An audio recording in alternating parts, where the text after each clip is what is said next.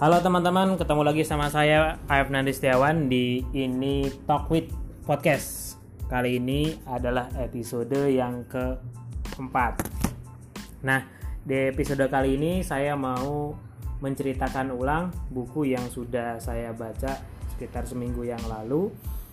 Judulnya Black Box Thinking. Nah, ini karya Matthew Shedd. Dia adalah seorang orang mana ya? Oke. Orang Inggris. Dia adalah orang Inggris.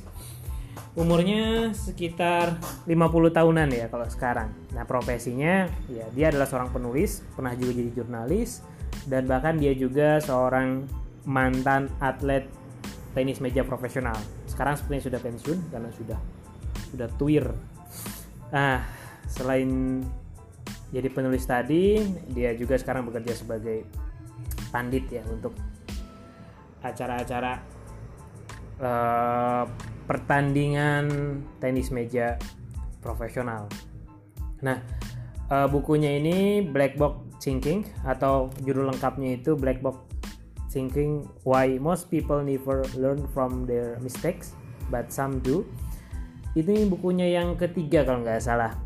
Buku yang pertama yang saya ingat itu judulnya Bones. Saya juga belum baca sih, cuma dapat informasi di internet. Yang kedua itu saya lupa. Yang terakhir juga ada nih, dia nulis buku di tahun 2019 kalau bukunya bagus atau punya bagus nanti saya baca dan saya ceritakan ulang nah buku ini saya baca di aplikasi AnyBook rekomendasinya sih saya dapat dari Kindle saya download aplikasi Kindle di handphone tujuannya sih bukan untuk beli buku ya cuma untuk cari referensi aja mana kira-kira buku yang bagus nanti kalau ada yang bagus saya cari di AnyBooks uh, ngomong-ngomong AnyBook ini aplikasi semacam uh, iPusnas ya kalau di Indonesia perpustakaan online. Cuman ini sepertinya dari luar negeri, isinya pun buku-buku dari luar negeri. Bukunya banyak, walaupun saya nggak bisa ngatain itu lengkap ya. Cuman buku-buku populer, buku-buku babon, entah itu buku-buku self help business uh, atau buku-buku pengembangan diri, itu, itu banyak di di sini maksudnya di aplikasi ini buku saya biasanya uh, cari buku-buku yang populer kayak Homo Deus terus kayak bukunya siapa itu yang yang seni hidup berbod eh seni apa ya seni bodoh amat apa ya? Lupa saya namanya itu. Eh, Max Manson juga ada di situ. Nah saya juga baca bukunya Shedd juga ada di aplikasi itu. Jadi recommended banget. Walaupun semuanya buku-buku teks bahasa Inggris sih. Tapi ya nggak masalah. Kalau nggak biasa bahasa Inggris ya tinggal sambil buka kamus. Karena di aplikasinya itu juga ada ada ada ada kamusnya. Nah kali ini saya ditemenin uh, oleh seseorang. Jadi saya nggak sendiri ini ada Ijal Ijal ini kerja di semesta cafe ya. jadi hmm. jadi kalau kalian main ke semesta cafe terus kalian pesan makanannya seafood nah yang masakin Ijal ya Ijal ya? Ya betul sekali. Nah kali ini dia dengerin saya sambil main game. Main push rank. Level berapa aja uh, level kenapa sih mobil legend, legend. mobil legend. Legend. Ya oke. Okay. uh, kita mulai aja. Kita mulai dulu. Dari mana mulainya ya? Oke tadi saya udah, tadi saya udah kenalin siapa itu Matthew Shade-nya. Oke kita mulai aja menceritakan ulang ya. Saya baca menceritakan ulang ya? Nggak enak kalau sebut banyak resume atau review atau bahkan resensi ya karena saya nggak begitu niat-niat banget. Resensinya jadi saya baca terus saya catat apa-apa saja menurut saya penting dan saya ceritakan ulang kepada kalian. Barangkali bermanfaat ya untuk kalian yang nggak punya cukup waktu banyak baca buku bisa kalian dapat inti intisari intisari jadi doain saya bisa nyampaikan apa saja yang penting dari buku ini.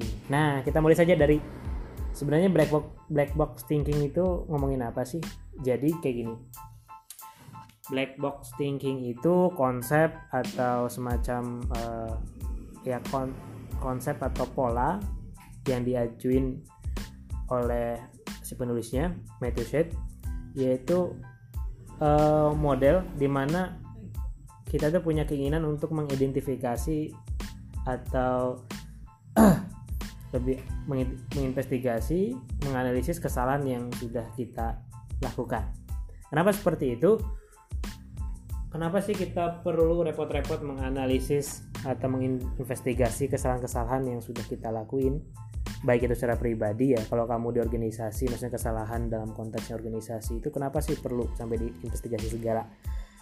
Nah, uh, Matthew Shedd ini punya argumen cukup bagus karena kata dia uh, hambatan terbesar dari umat manusia untuk mencapai kemajuan itu adalah karena gagal untuk belajar dari kesalahan yang uh, dia buat. Kayak gitu. Artinya kita bikin kesalahan nih tapi nggak mau belajar. Ya ini sih sebenarnya sedikit klise ya. Sudah sering sih kita dengar bahwa kita terus belajar dari kesalahan-kesalahan yang sudah kita buat. Nah bedanya nanti si set ini dia punya argumen yang menurut saya bagus ngasih contoh-contoh yang bagus di bukunya tapi intinya di buku ini sebenarnya ya gimana caranya kita bisa belajar dari kesalahan yang kita buat. Jadi itu aja sih intinya ya. Jadi kalian boleh lanjut boleh enggak nih dengerin podcastnya? Nah kemudian pertanyaannya sih kenapa sih orang itu kok gagal ya belajar dari kesalahan dia yang dia buat? Karena kata dia banyak kan orang termasuk juga masa kita secara umum itu punya sikap yang kontradiktif terhadap kegagalan ya. Jadi orang itu cenderung memandang apa yang namanya gagal itu secara negatif gitu. Sehingga biasanya kayak gini nih kita tahu kita tuh yang salah kayak gitu. Tapi biasanya kita itu malu mengakui kalau kita tuh salah karena itu suatu yang memalukan suatu aib yang besar. Sehingga kita berusaha untuk melemparkan kesalahan itu penyebabnya pada orang lain. Ya aku salah nih karena bikin kayak gini tapi itu tuh karena si itu tuh yang ganggu atau ya ini karena kita kurang modal kurang ini dan sebagainya. Oke bisnisku kemudian nggak nggak maju nih. Jualanku kemudian nggak laku. Oh itu karena kemudian oh, pasarnya sedang permintaan sedang turun ekonomi sedang sulit dan sebagainya. Jadi kita nggak mau mengakui bahwa itu adalah kesalahan kita tapi kita cenderung untuk melemparkannya kepada sesuatu yang di luar kita atau kepada orang lain. Kayak gitu. Nah kita tuh selalu pengen uh, diri kita itu terlihat dari kesalahan ya. Karena untuk menghindari ya tadi kalau kita salah maka uh, di mata masyarakat secara umum ya kita kita kita itu nggak turun reputasinya kayak gitu karena melakukan kesalahan. Nah sehingga yang terjadi adalah karena kita malu kalau kita salah kita cenderung untuk menutup nutupi apa namanya kesalahan yang kita buat. Apalagi kalau kamu bekerja di di perusahaan ya atau buat yang sudah kerja sih. Atau uh, kerja di perusahaan apalagi itu yang sebenarnya resikonya itu uh, besar umpamanya. Jadi kalau kamu melakukan kesalahan dan sebagainya karena tekanannya besar ya kalau kamu ngaku kalau kamu itu mengesalahan kamu takut dipecat akhirnya ya kamu nutup nutupin kesalahan itu gitu. Umpamanya uh, di apa aja? Kalau yang pokoknya kalau di dunia masak memasak nih yang Apa kesalahan terjadi nih. Kamu kan mungkin dari segi bumbunya pokoknya bumbu. Bumbunya misalkan bumbunya kebanyakan ngasih ya, garam gitu kan. Ya. padahal itu suatu kesalahan. Cuman karena kamu kalau ngaku itu kemudian salah nanti kamu bisa dimarahin dan sebagainya. Akhirnya eh, apa namanya? Akhirnya kamu tutup tutupin itu. Padahal eh, kalau ngaku oh ini kebanyakan. Akhirnya kan kemudian nanti bisa di cari cara agar agar nanti ngasih bumbunya gimana caranya nggak kebanyakan garamnya. Nah biasanya nih ya kalau di dunia eh, kerja kan orang selalu kayak gitu. Ya enggak sih? Artinya ya, kebanyakan lah kebanyakan. orang tuh takut kalau ngelakuin ini ini tuh salah kayak gitu. Jadinya lebih ditutup-tutupin nah kata shed Matthew shed itu yang kayak gini tuh yang menyebabkan kita nggak nggak bisa maju-maju kayak gitu. Kita selalu mendefinisikan masalah itu sesuatu yang negatif dan harus dihindari saya pikir eh, ini sih udah terjadi dari apa ya ini udah menjadi budaya kita ya karena di, di sekolah pun orang-orang itu mau dia, diajarkan untuk takut gagal ya nggak sih ya iya. Ya makanya orang mencontek itu kan biasanya ya karena Nah. itu dia takut nilainya jeblok kemudian dia gagal di ujian atau kalau zaman zamannya masih SD SMP kalau gagal dia bisa nggak naik kelas. Biasanya saya sih waktu SMP ya saya nggak pernah nyontek sih ya karena takut neraka nyontek. Cuma saya kalau ada teman-teman apa namanya mau nyontek ya tabarin aja gitu. Faktanya mereka nggak naik kelas kan habis Iya. karena nyontek. Bukan Bisa, saya enggak mereka nyontek uh, pekerjaanku. Oh. Akhirnya ya keturunan gobloknya gitu. Nah ya itu karena memang dari kita sejak kita sekolah nih ya dari pendidikan kita kita diajarkan untuk takut berbuat kesalahan. Karena kesalahan itu suatu yang memalukan sehingga kita cenderung melakukan apa saja agar kita terhindar dari kesalahan. Nah kita itu kata saat ini harus punya mende- mendefinisikan susah banget mendefinisikan ulang sebenarnya kegagalan itu apa sih kayak gitu. Karena dengan kita punya definisi yang lebih progresif atau lebih lebih maju ya lebih lebih advance tentang apa itu kegagalan ya kita akan mendapatkan progres. Terus kita ada kita bisa lebih kreatif dan juga punya resilience yang, yang bagus. Nah gimana caranya? Kata menurut saya kita harus punya kebiasaan kalau ini menyangkut diri kita sendiri bahwa ya kita terbiasa membuka terbuka terhadap kesalahan yang kita lakukan kalau kita di organi kalau di organisasi berarti organisasi itu punya culture yang orang itu ya kalau ada dia melakukan kesalahan itu jangan ditutup-tutupi ya udah diomongin aja. Terus nextnya seperti apa? Jadi bukan di blame ya atau di kemudian ya udah dia udah ngaku salah nih terus kemudian dimaki-maki. Nah dengan cara terbuka ini kita bisa mendapatkan informasi-informasi penting untuk perbaikan selanjutnya. Sebaliknya kalau sebuah organisasi atau kita secara pribadi tertutup dan cenderung menyembunyikan suatu kesalahan yang terjadi kita tuh kehilangan informasi-informasi penting untuk perbaikan gitu. Sehingga nanti jatuhnya kita mengulangi kesalahan-kesalahan yang yang sama gitu. Jadi ya itu sih katanya salah satu uh, caranya gitu agar kita tuh bisa apa namanya bisa belajar dari kesalahan dan cara lebih terbuka bukan malah tertutup. Nah eh, selanjutnya dia bilang bahwa eh, pentingnya eh, sebuah investigasi atau menginvestigasi diri kita sendiri itu karena kalau kita itu nggak pernah sengaja ya menginvestigasi atau menganalisis apa yang kita lakukan ya kita nggak nggak pernah tahu kalau kita itu salah gitu. Ya kayaknya udah bener nih aku nih gitu. Tapi sebenarnya kalau di bener-bener diteliti di apa ya sebenarnya ada kesalahannya gitu. oke. Nah oleh karena itu eh, dalam bukunya saya mengajukan konsep black box thinking ini yaitu kebiasaan atau budaya untuk belajar dari kesalahan. Bukan malah merasa terancam oleh eh, kesalahan yang yang ada. Black box ini kalau di bahasa Indonesia kotak hitam. Ya mungkin teman-teman pernah denger ya? Pernah denger ya? Kotak Hmm, hitam. pernah. ya biasanya kalau pesawat jatuh Iya. carinya kan kotak hitam sedang biasanya oh, para petugasnya nyari kotak hitam. Nah. Nah kotak hitam ini kata dia itu eh, penting gitu. Karena kalau dalam pesawat ya dia ngambil analogi analoginya pasti dari sini. Jadi kan biasanya nih kotak hitam itu biasanya ada dua jenis nih. Satu yang rekam percakapan pilot di, di kokpit yang terus yang sisanya gitu mencak apa merekam histori apa, apa yang terjadi di pesawat. Jadi kalau di pesawat ini jatuh ya kotak hitamnya itu biasanya karena dia terbuat dari sesuatu yang didesain kuat ya jadi dia tetap aman. Sehingga orang itu bisa ngambil mengambil kotak hitam untuk mempelajari rekamannya. Sebenarnya pesawat ini pesawat ini yang ini jatuh nih kenapa sih pesawat? gitu atau Penyebabnya apa? penyebabnya apa sih? Nah di situ bisa dipelajari secara, secara presisi jadi dengan adanya rekaman itu kata set apa kata si penulisnya ini itu yang bikin pesawat itu adalah industri industri yang tingkat keselamatannya itu meningkat dengan sangat mengesankan dari tahun ke tahun. Kalau nggak salah dulu ya sebelum uh, ditemukannya model black box ini, saya lupa sih ya, cuman kurang lebih banyak perbandingan itu dari 40 pesawat itu hampir setengahnya yang yang jatuh kayak gitu. Dan nah setelah kemudian ditemukannya uh, black box ini, itu sekarang itu cuman satu persekian lah. Intinya tuh ke- ke- kecil sekali. Apa namanya tingkat kecelakaannya. Padahal kan kalau pesawat itu yang sangat risiko tinggi banget kan. Ya bayangin benda benda gede terbang di atas itu kan banyak kamu lu di atas itu kan ya kalau ada apa aja ada apa-apa dikit aja pasti kan pasti kan jatuh ya nggak sih? Kan kita nggak sama naik pesawat sama kayak naik motor kan naik pesawat kita nggak bisa banyak ntar aja ngisi bensinnya di atas nggak bisa. Kan pesawat tuh ngisi bahan lupa ngisi bahan bakar. Iya. mau berhenti di mana? Di atas kayak gitu kan.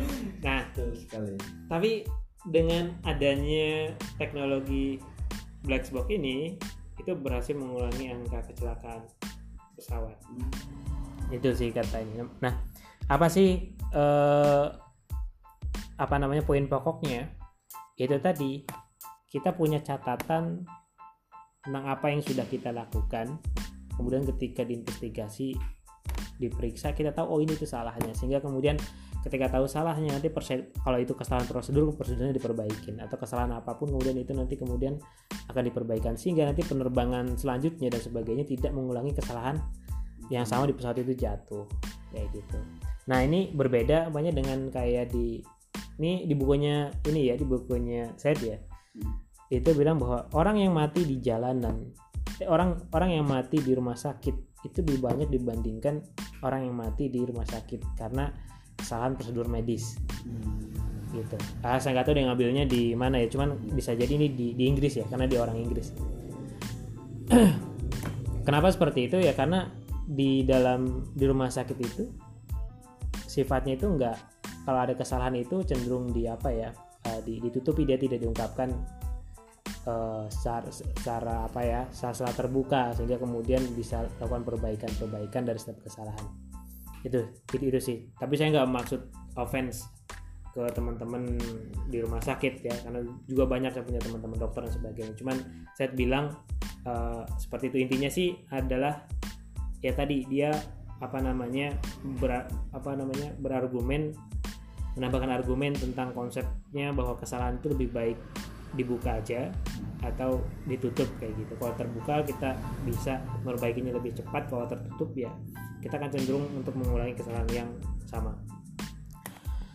Nah em, nah oh, ngomong lagi ya. Oke nah biasanya gini hambatan-hambatan yang sering terjadi itu kenapa kita itu gagal berarti dari dari sebuah kesalahan. Biasanya kalau kita nemuin fakta baru nih fakta baru yang berbeda dengan sesuatu yang sudah kita yakini kita tuh cenderung untuk berusaha untuk apa ya menjustifikasi mencari pembenaran terhadap eh, kesalahan kita terhadap faktanya gitu. Jadi kalau apa namanya kalau kita nemuin fakta baru yang mengganggu keyakinan kita itu bukan keyakinannya diubah tapi malah faktanya kemudian yang disesuaikan Biasanya kayak gitu kan gitu. jadi kita selalu mencari pembenaran nih. Pokoknya kita bikin bi- oh, jualan online nih jualan online. Jualan apa lah ya? Pokoknya jualan cangkir nih. Jualan namanya sebulan nggak laku laku nah ini kita kan gagal nih ya jualan. Nah biasanya kita tuh nggak apa namanya pokoknya ini kita jual ini ke ke apa ya? Jual ini ke mama ya. Karena kita yakin mama ini bakal beli ini gitu. Walaupun pada faktanya mama tuh nggak mau beli ya kan ya kita selalu punya alasan oh mamanya mungkin sekarang nggak punya duit atau cangkir yang ada di rumahnya sekarang belum belum pada pecah semua kayak gitu loh masih ada gitu.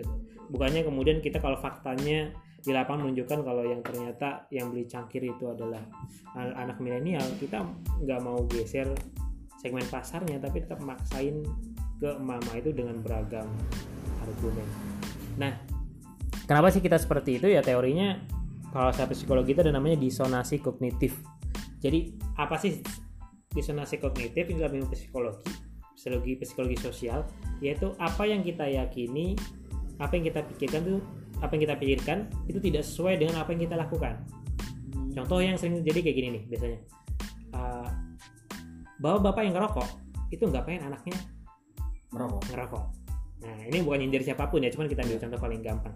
Bapaknya tahu kalau ngerokok itu nggak nggak bagus. Nggak bagus. Ya dia nggak pengen anaknya ngerokok tapi nah, dia sendiri ngerokok. Kenapa? Karena kalau nggak ngerokok dia nggak enak nih. Mulutnya masam nggak bisa mikir. Ya kayak gitu. Dia tahu bahwa dia yakin rokok itu nggak bagus tapi faktanya dia ngerokok. Kurang lebih apa yang diomongin itu beda sama apa yang dilakuin. Atau contoh paling gampang pokoknya hmm,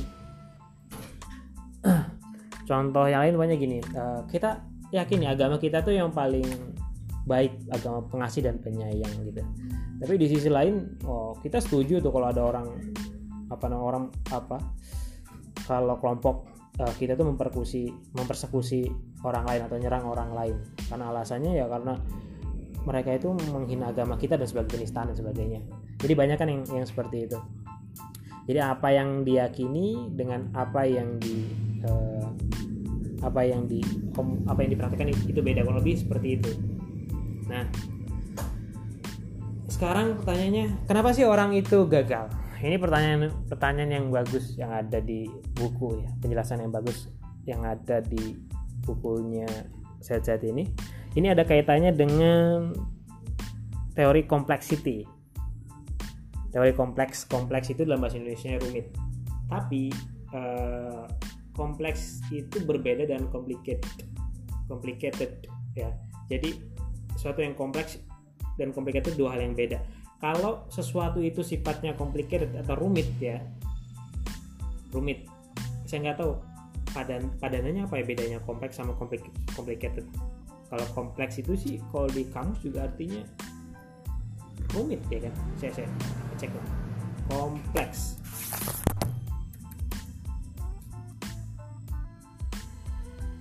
Ya artinya juga kompleks kompleks bahasa Inggrisnya ya artinya Indonesia ya kompleks. Yang complicated jadi beda kompleks sama complicated. Jadi kalau complicated itu biasanya sesuatu yang aut-autan orang yang ahli itu biasanya itu bisa eh, memecahkannya dengan cara mencari hubungan-hubungannya antara satu yang, sa- yang antara yang satu dengan dengan dengan yang lain kayak gitu. Makanya bikin bisnis ini bikin bisnis mismanagement.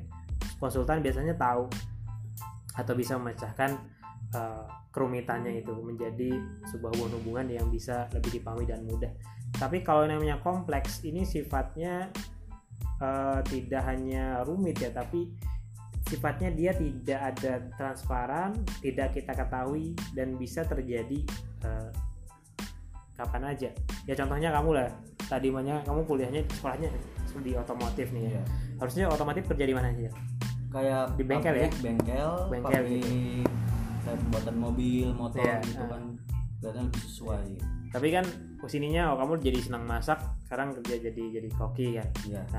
Kan kamu kan susah juga nggak kebayang kan pasti dulunya itu apa namanya jadi apa namanya jadi juru masak seperti Iya. sekarang kan gitu. Karena ya itu tadi gitu karena kita susah untuk membayangkan sesuatu yang terjadi di luar sana itu karena sifatnya itu sangat kompleks atau atau, atau rumit ya ya bukan rumit. Kok ya kompleks kayak gitu. Jadi segala sesuatu sifatnya kompleks susah ditebak dan sebagainya. Nah eh, di tengah sesuatu yang kompleks ini ya data set orang itu cenderung kalau punya rencana itu punya rencana pokoknya bikin produk atau rencana yang banyak rencana mau apa namanya mau bakar-bakar tahun baru ini dengan sesuatu yang dengan sesuatu yang ide yang hebat gitu suatu ide yang yang luar biasa. Makanya oke kita mau bikin eh, bikin produk apa ya? Contohnya jago di sini jago produk makanan atau cemilan? Oke produk cemilan deh cemilan apa apa? Cemilan ya model kayak cemilan di sini tuh apa sih soal sebelum sini lupa aku menunya menu seafood aja ya yang gampang ya. kayak ada seafood ya. Ya kayak cumi saus padang gitu. Oke, cumi saus padang pokoknya bikin kita punya rencana launching cumi saus padang gitu. Terus biasanya kita kan biasanya orang tuh rapat yang lama. Kemudian konsepnya seperti ini, segmennya seperti ini, saya bikin mas seperti ini, bahan-bahannya seperti ini, dibuat yang nanti modelnya seperti ini, cara pemasaran seperti ini dan lain sebagainya. Jadi mereka datang dengan ide yang sangat canggih, sangat bagus dan seakan-akan itu sangat uh, luar biasa. Saya pengalaman sih ketika masih di aktif di organisasi mahasiswa dulu. Kalau nggak salah waktu itu kita pengen ngadain baksos ya. Wah itu baksos di suatu desa. Waktu kita rapatnya itu dari jam berapa ya? Dari jam jam 8 malam sampai jam 3 subuh. Itu ngomongin soal soal apa namanya? Soal baksos. Kayak gitu. Baksosnya waktu itu kita rapat itu awal bulan ya. Ya di minggu pertama. Nah baksosnya itu kemudian kita masih ada waktu sekitar dua bulan kemudian. Nah kita rapat di minggu pertama tapi kemudian eksekusi efektifnya itu hanya dua minggu sebelum baksos. Kayak gitu. Nah artinya adalah kita tuh kadang-kadang nah, di tengah terkompleks kompleksitas seperti ini kita tuh fokus hanya pada wacana praaksi gitu.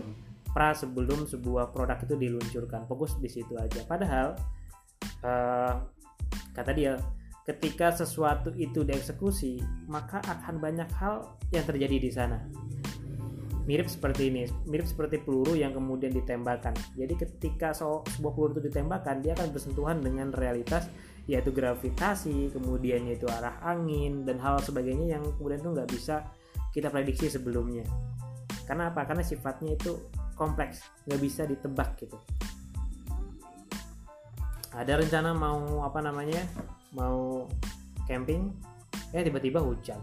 Tiba-tiba ada temen yang uh, apa nih ada acara keluarga yang gak bisa ditinggal. Hal seperti itu yang disebut kemudian yang disebut oleh uh, Matthew Shedd sebagai kompleksitas teori.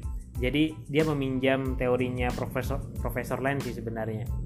Jadi kita itu cenderung pakai model uh, model perencanaan seperti meluncurkan rudal balistik gitu katanya. Jadi rudal balistik itu adalah peluru jarak jauh ya. Jadi umpamanya kita mau nembak mana nih kita di Purwokerto terus mau nyasar umpamanya uh, Purbalingga kita tentuin koordinatnya dari sini kita arahin ke sana terus kita tembakin rudalnya gitu. Nah ketika kita kita sih udah bisa bisa jadi udah punya rencana bagus nih buat nembakin rudal. Eh di tengah jalan bu, bu udah nabrak burung atau nabrak apa udah meleset dari dari tujuan kayak gitu. Nah Nah, banyak rencana-rencana ide-ide itu ketika sudah dieksekusi itu mengalami kompleksitas di luar sehingga banyak hal yang tidak terduga ter, tidak yang tidak terduga terjadi.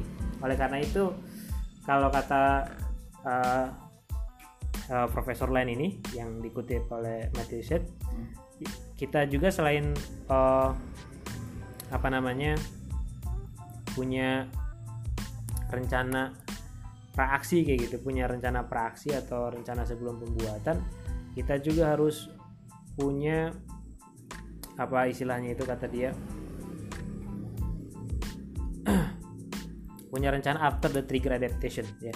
Jadi nggak cuman ke fokus ke before the, the event reasoning atau perencanaan sebelum sesuatu dibuat tapi after the trigger adaptation. Jadi ketika itu dibuat kita harus punya kontrol agar segala sesuatu itu bisa mencapai tujuan. Jadi kita harus melihat apa pun perubahan yang apa pun kejadian yang yang ada yang terjadi pada rencana kita, kita harus perhatikan benar-benar.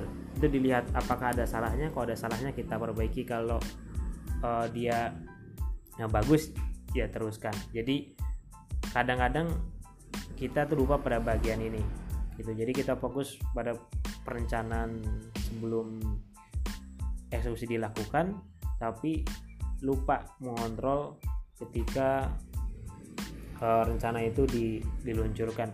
Jadi yang bagus ketimbang uh, pakai model atau pendekatan uh, balistik misil gitu ya, lebih baik kalau kata profesor itu dengan analogi pakai model guide misil, artinya peluru yang peluru, peluru kendali lah lebih tepatnya. Jadi kita bisa mengendalikan peluru kita sampai memastikan ia mengenai target. Jadi ketika ada sesuatu yang di luar rencana di lapangan, maka kita akan melakukan perbaikan-perbaikan dengan cepat. Gitu. Nah, itu sih eh, kurang lebih isi dari isi dari bukunya Matthew Shedd ini hampir 30 menit dan menurut saya ada satu bagian dari buku itu yang menurut saya bagus.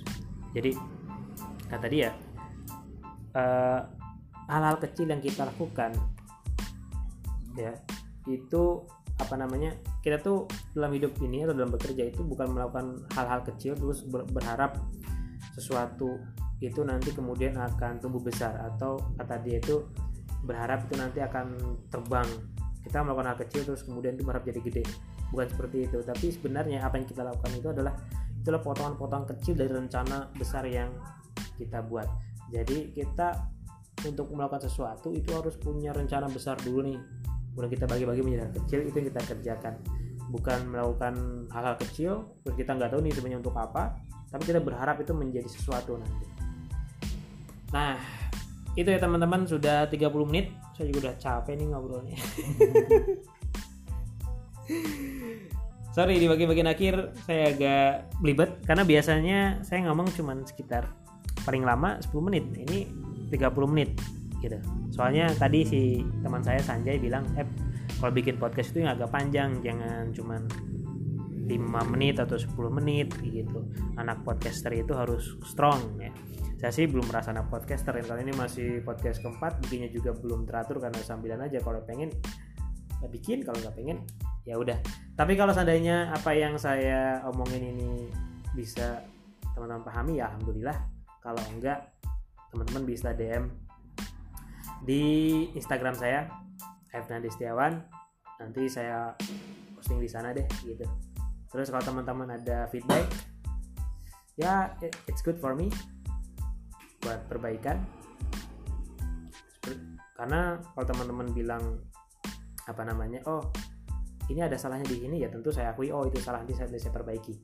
Ini pas banget nih saya ngomongin soal pentingnya kita belajar dari kesalahan gitu. Jadi teman-teman silahkan dengerin podcast ini. Kalaupun ada nanti yang salah ya jangan malu kasih tahu saya begitu teman-teman terima kasih. Sampai jumpa di podcast selanjutnya di episode kelima. Sampai jumpa. Bye bye